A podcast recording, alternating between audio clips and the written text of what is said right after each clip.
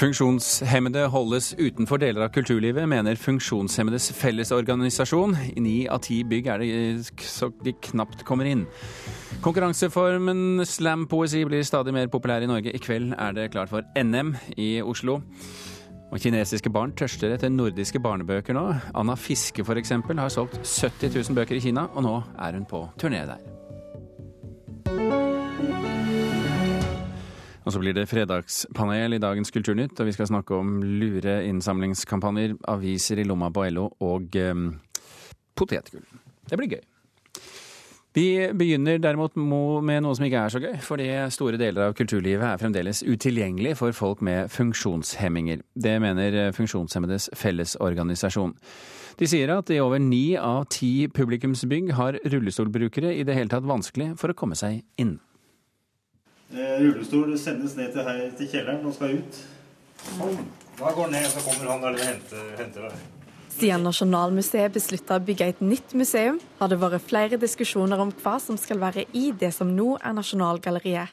Men noen har allerede problem med å komme seg inn dit. Ja, Det er jo helt klart at jeg ønsker å komme inn på et museum f.eks. på samme måte som deg som går. Cato Lie som er fagpolitisk rådgiver i Funksjonshemmedes Fellesorganisasjon, FFO, snirkler seg gjennom lagerrom og opp heiser med rullestolen sin, med hjelp av vektere for å komme seg inn til utstillingsrommet. Det er en veldig ekskluderende løsning. Ja, den er ganske bra. Det er flere enn Nasjonalgalleriet som peker seg ut med dårlige anlegg i Kultur-Norge.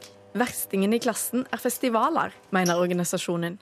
Og så er det da på sånne adhoc-arrangementer som er årlige, som er tilbakevendende. Der er det enda større problemer. Jeg tenker en arrangør av et kulturarrangement bør ønske seg flest mulig publikum. Eh, og det er klart at da må man legge til rette for at alle faktisk har mulighet til å komme dit. FFO trekker fram mangelen på heilskapstenking som et av de største problemene. Jeg vil si eh, mangel på heis Eh, og så er som regel eh, behovene til de som er med dårlig syn og hørsel en utfordring. Bare 7% av norske publikumsbygg er tilgjengelige for folk med funksjonsnedsettinger, ifølge tall fra SSB i 2014. Nå mener FFO at norske kulturarrangører må ta større grep enn tidligere.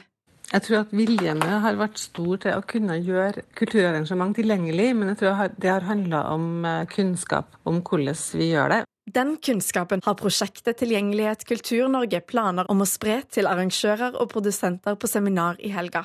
Berit Vordal i Norske konsertarrangører samler nå kulturtroppene for å ta grep om tilgjengelige kulturopplevelser for alle. Vordal erkjenner at en ikke er der en skal på dette feltet. Ja, vi henger kanskje igjen nå litt med holdningene eh, til det rullestolplasser i et kulturhus er flere seter sammen, kan være at vi ikke har tenkt gjennom at kanskje mennesker med nedsatt funksjonsevne òg har lyst til å sitte sammen med andre. Vårdal mener tilrettelegging må inn i rutinene. Når vi driver med kulturarrangement, så har du jo sjekkliste. Og hvis du har skjønt at tilgjengelighet står på den sjekklista, eller handlingsplanen din, eller produksjonsplanen din, så vil jo det å bli en del av det du sjekker.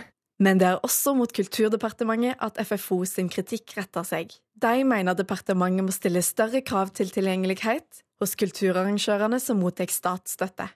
Altså, arbeidet med universell tilgjengelighet har høy prioritet på uh, saksområdene Kulturdepartementet har ansvaret for. Sier statssekretær i Kulturdepartementet, Bård Folke Fredriksen. Ja, det viktigste er jo at vi fra Kulturdepartementets side forutsetter at alle våre tilskuddsmottakere følger gjeldende bestemmelser om eh, universell tilgjengelighet. Cato Lie i FFO håper kulturarrangørene forstår viktigheten av tilrettelegging etter helga. Det er klart Hvis det er så dårlig tilrettelegging at man på en måte ikke får den gode opplevelsen, så er det, det er veldig synd. og Da kommer man jo ikke tilbake. Yes. Takk for hjelpen. Bare hyggelig. Ha en fin dag videre. I like måte. Reporter her, det var Ruth Einevold Nilsen. Slampoesi, en eh, konkurranseform der man kjemper om å være best på å fremføre poesi, det gir ofte en stemme til dem som ellers ikke blir hørt. Det sier sosialantropolog Cecilie Fagerli. Uttrykksformen har blitt eh, populær hele verden over, også i Norge, og i kveld er det klart for NM i Oslo. Jeg ser en gateselger. Fake smil, slesk stil, vår tids treller jobber dag ut, dag inn, jobber seg stinn. Jobber seg blind for alt som betyr noe, for alt som betyr noe er jo mer penger, mer spenn, så han kan kjøpe mer og selge det igjen. Kjøpe mer, bruke mer, jeg ser. Nå hørte du Oslo-mester i slempoesi, Evelyn Rasmussen Osasuva. Hun har skrevet slempoesi i flere år, og forteller at miljøet i Norge er i rask vekst. I kveld skal hun konkurrere om den gjeve NM-tittelen. Jeg kan være i en samtale med noen, og så kan jeg tenke oi, dette ordet her var interessant, og så kan jeg liksom skrive det ned på mobilen, eller en setning. Jeg kan våkne liksom midt på natta og bare OK, denne setningen her, eller to setninger, og så skrive det ned på mobilen. Og så kan jeg liksom bare glemme det litt, eller la det ligge helt til jeg liksom setter meg ned og bare OK, nå. Så kan jeg titte gjennom, og så kan jeg bare Oi, den den der begynner jeg å skrive på. Eh, begrepet slam det oppsto i USA. Det er vel Mark Smith som går som eh, den som har funnet på slam. Det sier Cecilie Fagerli, sosialantropolog ved Universitetet i Oslo. Han var opptatt av poesi, men han var også håndverker og egentlig en, en mann av folket, da, som eh, var opptatt av at, at uh, poesikvelder har blitt veldig veldig kjedelige. Altså det er, det er gørr, gør kjedelig, og folk bare sitter og omtrent sover. Så han ville egentlig eh, engasjere publikum og, og, og, ta poesien tilbake til, til, til, folk, da, som han sa. Så da begynte han å arrangere eh, poesikonkurranser. Og poenget med det var egentlig at, at poetene skulle begynne å engasjere publikum. Fagerli hun har brukt slempoesi i forskningen bl.a. til å bedre forstå befolkningen i Frankrike. Hun forteller at samfunnskritikk er en viktig del av slampoesiens verden. Folk som kanskje ikke kommer så lett til uttrykk andre steder, kan komme til uttrykk her. Altså forskjellig etnisk bakgrunn og yngre folk og sånne ting. Og også at eh, ja, man kritiserer samfunnsforholdene, da. Men i Norge er det ikke bare de som sjelden kommer til orde, som fremfører slampoesi eller spoken word. I desember står rapperen Lars Vaular på scenen i Henny Onsdag kunstsenter med spoken word-verket 'Pyramiden'. Og for de som lurte, forskjellen mellom slampoesi og spoken word, det er i hovedsak at det konkurreres i det ene, men ikke i det andre. Dette må finnes en ordning for, det ordner seg for pappa. Det er ikke melodi på samme måten. Jeg, jeg rapper ikke og jeg synger ikke. Men det, det er liksom Det er ikke så annerledes utenom at det er kanskje litt mer sånn typete, og at man går inn i karakterer mer, som en skjønnlitterær tekst. Jeg våknet opp en morgen og spurte meg hvorfor har jeg ingen tilhørighet? Og hvorfor er ingen tilbøyelig til å se at jeg ikke har noen tilhørighet? Alt er bare smørje. Noen ting ender opp i rapptekster, men uh, da blir det på en måte bare gjort mer musikalsk. Det er liksom samme teksten igjen, men de er gjort til eh, musikk, på en måte. Men noen ting blir jo bare liggende, og så noen ting ender opp i det her stykket. her, og så, Sånn går dagene. Ofte føler jeg at de diktene som funker, de som er en, en, en fin balanse mellom noe som kommer fra hjertet, um, mitt hjerte, um, og også som, som, ikke, som, jeg ikke er så knytta til at det blir for emosjonelt, da. Uh, men som publikum på en måte kan ta inn og for dem til å tenke. Jeg ser desperasjon i masken han har fått. Konsentrasjon er ikke lenger nok for å skjule hans indre kamp. Kjøpe, selge, gi, få. Han er lei av å stå langs elva, men han må. Evelyn Rasmussen Osa Suva der, reporter var Hanne Huglen Revheim. Så har vi fått reporter Mari Sandmalm i studio, for hun har lest gjennom avisen i dag. Og Mari, Aftenposten skriver om en ambassade som bygges inne i Oslo rådhus? Ja, det bygges nå en midlertidig ambassade for det kurdisk-dominerte området Rojava i Nord-Syria inne i Oslo rådhus. Eh, og det er en nederlandsk kunstner som står bak prosjektet, som er en del av Oslo arkitekturtriennale. Og installasjonen vil være åpen for publikum hele helgen. Eh, og det vil samtidig foregå samtaler mellom bl.a. representanter fra Rojava og norske og internasjonale politikere og diplomater. Og På nettet i går så var Dagens Næringsliv ute med en nyhet om VG og Snapchat. I dag har den kommet i avisen. Ja, fordi VG blir første norske mediehus som får levere innhold på Snapchats offisielle nyhetsseksjon. Og VG tror dette samarbeidet vil være mer innbringende enn tidligere samarbeid eh, avisen har hatt med Facebook. Takk skal du ha, Mari.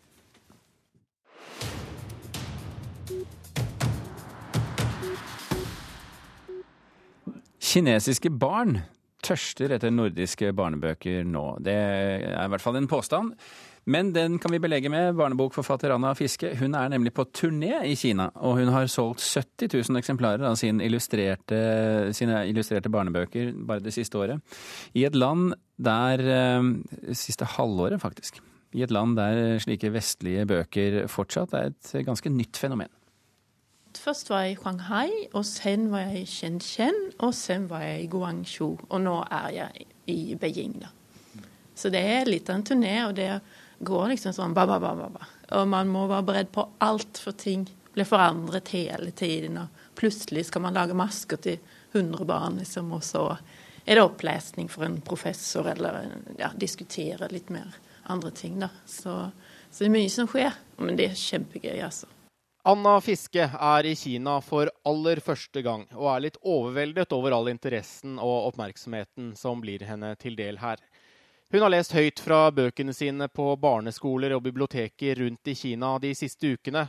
Og dette er et land der illustrerte barnebøker fortsatt er ganske nytt. De har bare vært her i ca. ti år. Den kinesiske skolen er fortsatt veldig resultatorientert. Alt fra barna er ganske små, handler det om å bestå den fryktede avgangseksamen Gaokao, som avgjør om en ung kineser kan gjøre karriere og komme inn på universitetet, eller må ta til takke med enklere og dårligere betalte jobber. Det som forsvinner på veien, er kreativiteten, oppfordringen til å tenke utenfor boksen, som Anna Fiske tror er det norske barnebøker kan bidra til skolesystemet er veldig opptatt av bøker, at man skal lære seg ting. Skal, man skal lære seg å telle, man skal lære seg klokken, man skal lære seg hvordan man oppfører seg. Men i de her bøkene er det også ting man kan lære seg, men det er også noe veldig viktig, nemlig å få en opplevelse og bruke fantasien, som er noe nytt her, tror jeg. Ved siden av henne står Fiskes kinesiske forlegger Jiang Wei fra forlaget Guangxi Science and Technology Publishing, og hun tror også Anna Fiskes suksess her i Kina nå kan forklares med de rike illustrasjonene hennes, som ingen har sett her tidligere.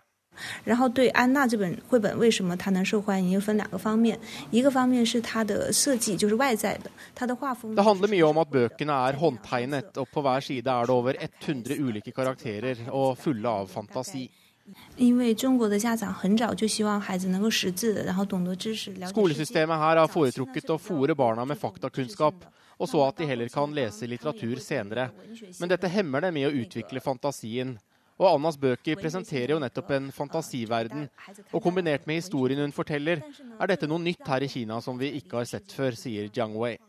Hun sier Anna Fiskes bøker har solgt 70 000 eksemplarer siden de kom på markedet her i juni, og det er et sterkt salgstall også her i Kina. Selv om bøkene her er priset til en tiendedel av hva de koster hjemme i Norge.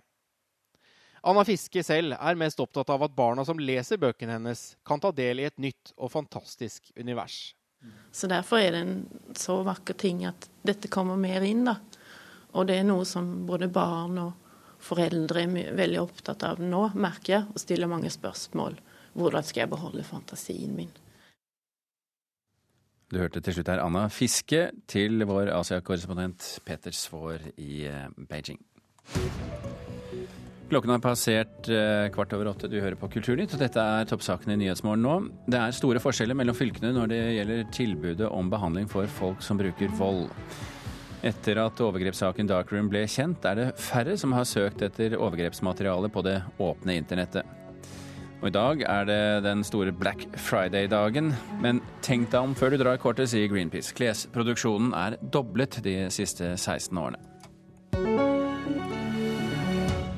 Og da er vi i gang med Fredagspanelet, som i dag består av Kjersti Løken Stavrum, som har fått ny jobb i Tinius-stiftelsen. Vi snakker også med Andreas Wiese, som er sjef for Litteraturhuset i Oslo, og Anna Katarina von Matere fra, eh, fra Minerva tidsskrift. Velkommen alle sammen. Takk. Vi, vi, vi, hopper Jeg gleder meg litt til første spørsmål, jeg må innrømme det. Fordi at denne uken ble det litt oppstuss i norske medier, sosiale og usosiale, da Kristoffer Joner, for, eller Joner for første gang ble Facebook-bruker og benyttet anledningen til å oppfordre folk til å donere penger til Norsk organisasjon for asylsøkere, NOAS. Det fremsto som et eh, ektefølt engasjement, og var det helt sikkert også. Men så viste det seg at det også var et resultat av et samarbeid mellom NOAS og reklamebyrået Anorak. Spørsmålet som ble stilt, og som vi stiller her, har folk grunn til å føle seg lurt? Anna? Nei. Andreas? Ja. Kjersti? Da vil jeg si som politikeren at det er feil spørsmål. Det er ikke lov i Fredagsnytt. Det er ja eller nei. Folk føler seg lurt. De har grunn til det. Ja. Eh, hvorfor? Fordi at jeg ser at det er mange som har fokusert på at han fikk hjelp av et reklamebyrå. Eh, og det er jo én side av saken. Men, men, eh, det som ikke har kommet så klart fram, syns jeg, er at han er jo faktisk politiker fra Arbeiderpartiet i bystyret i Stavanger. Og det er det eh, lett å glemme for alle oss som ikke er fra Stavanger. Så den... La oss bare påpeke at han har ikke gjort noe forsøk på å holde det skjult. Nei, men, men poenget er at når du heller ikke nevner det, og er Johannes Joner, så, så forsterker det Kristoffer Joner. Kristoffer Joner, mener jeg. Ja, takk. Så, så forsterker jo det, eh, et, eh, det, dette folkelige eh, engasjementet som, som, vi jo skulle få inntrykk av at det var. Det hadde blitt et helt annet budskap hvis han hadde sagt som bystyrepolitiker i Stavanger, så syns jeg at mm. da hadde vi kalibrert oppfatningen av det. Men han er jo et menneske over å være en bystyrepolitiker òg? Absolutt. Men, men, når spørsmålet er eh, Når vi da har fått en debatt om man har rett til å føle seg lurt eller ei, så var det ganske mye informasjon som var eh, viktig, eh, som ikke kom fram. Eh, og, og, det har ikke noe med at folk ikke ga penger å gjøre, som jeg syns var litt sånn pussig mm. oppi det hele. Anna? Jeg vil tro at for kanskje ti år siden så kan det hende at uh, de hadde valgt å rykke inn en annonse i avisen istedenfor, da istedenfor å putte et eh, innlegg på Facebook. Og da har det vært veldig lett for folk å skjønne at dette er en eh, kampanje på et vis. Eh, så det blir vanskeligere med sosiale medier for oss å skille mellom det som er planlagt og det som er ekte spontant. Eh, men det er jo ikke innholdet mindre riktig. Og hele at noen ikke klarte å se at det var en, en kampanje, det kan jeg på en måte skjønne. Men, men jeg syns nesten det er litt rart at mediene ikke catchet det med en gang. Fordi eh, måten det var satt opp på, det var en egen vips konto det var et eget liksom, grafisk opplegg. Det så litt for lekkert ut, rett og slett? Det så litt lekkert ut. Ja. Andreas? Ja, som førsteinnlegg på Facebook så var det imponerende, hvis det ikke hadde vært noen som hadde hjulpet til. Men for meg så er det problem her at, at du kan være helt enig i det Kristoffer Joner sier. Du kan være helt enig i det NOAS står for. Du kan være helt enig i at NOAS trenger penger. Og likevel føle deg litt lurt av dette innlegget her. Fordi du ikke nødvendigvis skjønner hvordan det er blitt til. Og jeg sitter og tenker på det, for når jeg sitter ved frokostbordet mitt, så kan jeg liksom se på tingene, og der står det sånn varedeklarasjon på alt innholdet. Ned til hvor, hvilke E-stoffer som er oppi margarinen, og spor av nøtter, holdt jeg på å si. Og den typen ting tror jeg vi begynner å mangle i sosiale medier. At det kommer en form for varedeklarasjon med hvor mye og hvem har vært involvert i dette her. Fordi man spiller på at det er personlig og at det er oppriktig, og så er det egentlig lavet og hjulpet til og den type ting. Men er vi, Jeg kommer til å tenke på det nå. Vi sitter her sånn delvis gråhårede, noen av oss. Og så eh, Anna, som er en generasjon under. Er, er, det rett og slett vi som er for gamle eh, og ikke skjønner det Anna og hennes generasjon skjønner? Feel free to Da kaster jeg meg på. For, for, min del så eh, var det rett og slett sånn at jeg så ikke den opprinnelige posten før jeg leste om den. Sånn at jeg eh, Du vet ikke? Jeg, ja, ikke sant. Altså, jeg så ikke den posten først, eh, før jeg var inne i et engasjement, da. Eh, og, eh, og, ellers er jeg helt enig i at du ville kanskje lukta det. Men det er fortsatt eh, sånn at det var for mye der som, som, ikke kom fram i første runde. Og det fine med det er at det tror jeg veldig mange har tatt lærdom av. Eh, for dette har jo, dette har jo ikke verken Noas eller Joner kommet eh, eh, veldig godt ut av. Det må man kunne si. Eh, og, eh, og det, Derfor så tror jeg at varedeklarasjon-tilnærmingen er, er, helt riktig, og at, den, og at mange kommer til å ønske det. Nå hører jeg et nytt hylekor fra de unge lag som sier at varedeklarasjon på sosiale medier, Kjersti Løken Stavrum, det er Vi ikke fremtiden. Allerede. Vi har det allerede. fordi at de fleste innlegg nemlig som er reklames, der står det at, de er, at det er sponset. Så, så, det er ikke det at næringslivet ikke er transparente, men her er det, var det altså Eh, aktører, eh, politiske aktører som valgte å ikke være transparente. Og det er en viktig beskjed ut til alle andre tilsvarende. Du må være veldig kort, Andreas. Vi skal videre. Basert på de samtalene jeg har hatt med unge mennesker på forskjellige fake news og andre typer ting på Facebook og andre steder, så virker det som de også av og til kunne hjelpes godt med en varedeklarasjon. Ok. Hvordan den blir seende ut, får bli til et senere spørsmål. Vi hopper videre. LO kom mandag pressede aviser på venstresiden til unnsetning, for de bevilget 19 millioner kroner til Dagsavisen og Klassekampen eh, for at de skal drive arbeidslivsjournalistikk. De fjerner all troverdighet med et pennestrøk, sa Nettavisens redaktør Gunnar Stavrum. Han er gift med en av paneldeltakerne i dag, de kan gjette hvilken. Og la oss for ordens skyld si da at eh, det er Kjersti. Spørsmålet vårt er uansett mister avisene sin troverdighet? Ja eller nei? Ja, og da Ja, Ja. eller nei? Ja. ja. Andreas? Nei. Nei. Så du er altså enig med din mann? Ja, men eh, Det henger sammen med at du forklarer hvem jeg er, eh, og at min mann har ment noe om det samme før. Eh, og det henger sammen med egentlig det vi snakka om i stad, eh, om joner. Det handler om transparens. Det handler om at eh, folk skal få vite og bli gjort oppmerksom på viktige bakenforliggende årsaker som påvirker hvordan de oppfatter ting. Eh, og, eh, og, og derfor så, Vi har ikke tradisjon i Norge for at det kommer store aktører og sprøyter penger direkte inn i redaksjonelle satsinger. Så, så det som er viktig nå, er at leserne blir gjort oppmerksom på det. Fordi vi vet at, det vi vet fra undersøkelser, er at folk er veldig opptatt av hvem som eier mediene, og hvem som påvirker mediene. Så hvis man ikke har lyst til å fortelle om hvem som påvirker mediene, så har man i utgangspunktet et problem. Men, men her er det jo ikke noe skjult, la oss bare si det. det er, folk vet at de har fått penger. Det ja, men det vil du jo ikke huske når du ser artiklene i avisa. om et år. Nei, kanskje Nei. ikke. Andreas?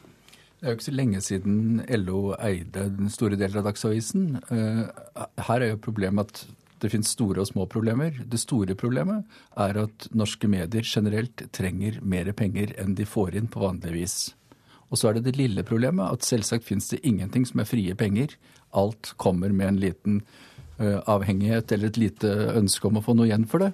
Men når du veier disse mot hverandre, og husker at også f.eks. annonsepenger og den typen ting, som Nettavisen bl.a. er full av, er også problematiske fort vekk. Så alle penger er problematiske, men disse gjør bedre nytte enn skade. Men LO er jo åpen. De vil ha arbeidslivsjournalistikk, eh, Anna. Ja. Jeg tenker at det, det som, problem, som kan være problematisk eh, med denne type donasjoner, ikke nødvendigvis det de går åpent ut og sier at de ønsker seg, for det, det er åpent, det er helt fair. Men det er jo noe med at alle som tar imot penger eh, på denne måten, vil ha problemer med å glemme at de har fått de pengene, og hvem de har fått de fra, og hvor, mye, hvor stor andel av budsjettet det utgjør. Og det betyr at du på en måte kan legge noen eh, bånd på deg sjøl, helt ubevisst selvfølgelig, med tanke på at eh, om tre år så trenger vi kanskje mer penger fra LO. Det er jo på en måte det som kan være problematisk. Men jeg tror så lenge de ikke går inn på en eh, langvarig finansieringsordning med LO, så vil dette være mindre problematisk. Men, men Kjersti Løken Savrum, det er jo slik at eh, både Dagsavisen og Klassekampen er jo relativt LO-vennlige venstreaviser uansett, så det er vel ikke sånn at det er noen revolusjon på gang her? Jeg er ikke spesielt opptatt av de to avisene, jeg er ikke spesielt opptatt av den pengestrømmen, men jeg er eh, generelt opptatt av eh, at vi har et stort problem med tillit til de redigerte mediene. Eh, og, og det i den grad man vil huske at denne pengestrømmen finnes, så vil det skape en generell mistenksomhet rundt det andre du kanskje ikke vet. Eh, Og, og det vi skal vokte, passe veldig veldig godt på nå, er jo det frie og uavhengige innholdet. Eh, Og det har vi i Norge, faktisk. Det er veldig ryddige ordna forhold mellom eiere og redaksjoner og redaktører. Mm. Og de er generelt frie og uavhengige. Nå gjelder det ikke å rekke opp hånden lenger, fordi at vi begynner å nærme oss uh, halv ni, så vi må ha det siste spørsmålet opp. Og det er jo fredag, så vi må snakke om potetgull. For, og denne uken så eh, var jo potetgullsaken, som den kalles, oppe i retten. Um, chipsprodusenten Mårud sier at de har brukt 80 år på å bygge opp merkevarenavnet potetgull, et navn Orkla eide Kims også gjerne vil bruke på sine salte godsaker. Spørsmålet vårt er, bør bruk av ordet potetgull være forbeholdt Mårud? Nei. Nei. Nei. Nei. Nei. Hvorfor nei? Nei, jeg tror de kommer til å tape dette her så det synger, altså. Hvis du ber noen om å gå på butikken og handle potetgull, eh, så forventer du ikke at de skal komme tilbake igjen med et bestemt merke. Du forventer at de skal handle det de liker best. Eh, nå, jeg tror nesten alle har brukt ordet potetgull, men det er, det er så allment. Det er, det er noe alle, Ja, hva sier du alle da? sier. Jeg sier chips. Chips? Chips. Andreas? Nei, altså her er det jo en annen type varedeklarasjon, for dette er jo usunne karbohydrater uansett. Men uh, det som er uh, Jeg husker at da jeg var journalist, så skrev jeg en gang om noe, eh, rollerblades eller noe sånt noe. Og så fikk jeg advokatbrev om at dette var et trademark-benyttet uttrykk. Jeg kunne ikke bruke det. termos også, for det. Hvilket var, bare, hvilket var bare tull. Selvsagt er det fri, fri, ytringsfrihet i Norge. Jeg kan kalle det hva jeg vil, hva jeg vil.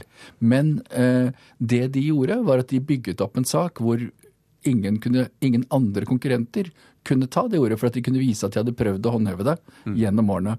Og det er jo det som ikke har skjedd med potetgull. Når vi tenker på potetgull nå, så tenker vi på generisk potetgull, ikke Måruds potetgull. Og da er saken tapt. Ja, den, har, Her har det skjedd en såkalt fortynning av et merkevare. Eh, og det tror jeg også Er det noe som heter en fortynning av et merkevare? Ja, så har jeg lest. Men, okay, og, det, og det er det som skjer når du, når du går fra å være et egennavn til å bli en benevnelse på et generelt eh, noe tilsvarende. Men, men eh, Mårud tror jeg vet det, men de er jo tjent med denne bevisstgjøringen som, som denne rettssaken har skapt. For liksom, jøss, det hadde jeg ikke tenkt på, at det var Mårud sitt eh, Ikke sant? Sier du nå at du tror at de vet at de taper rettssaken? Jeg sier at de eh, selvfølgelig har kalkulert med at det blir det samme for dem nærmest om de vinner eller taper, for jeg tror saken er tapt ute i folket. Når du hører journalistikk og du spør folk hva de kaller det, så sier jo alle at de kaller dette som ligner for potetgull. Nå sa jo du chips, da, så det blir jo Det var feil svar. Men, men, det, eh, men derfor så har de egentlig alt å vinne på at vi blir mer bevisst på at det er Mårud som, som var de som var der først. Er dere enig i dette, folkens? Ja. At det, er, at det er eh, rett og slett nærmest en sånn eh, merkevarebygging Mårud driver med her? Det var vel noe av det samme Synnøve Finden gjorde når de lanserte Jarlsbergosten sin. De visste også at de kom til å tape en rettssak eh, mot Tine, men eh, nå sitter jeg og kaller det for Jarlsbergost, så Er dette en, rett og slett en ny måte å drive reklame på, Andreas Wiese? Det er vel en kalkulert risiko at de vinner eh, synlighet på at det var de som var potetgull først, hvis de taper. Og skulle de vinne, så har de vunnet til Lotto. Ja. Men da sier vi det, så får vi ønske begge parter lykke til uansett hvordan det går. Fredagspanelet er ferdig. Kjersti Løken Stavrum, Andreas Wiese og Anna Katarina von Matere. Takk for at dere var eh, vårt panel i dag. Tone Staude og Birger Kåser Jåtsund er ferdig med denne sendingen.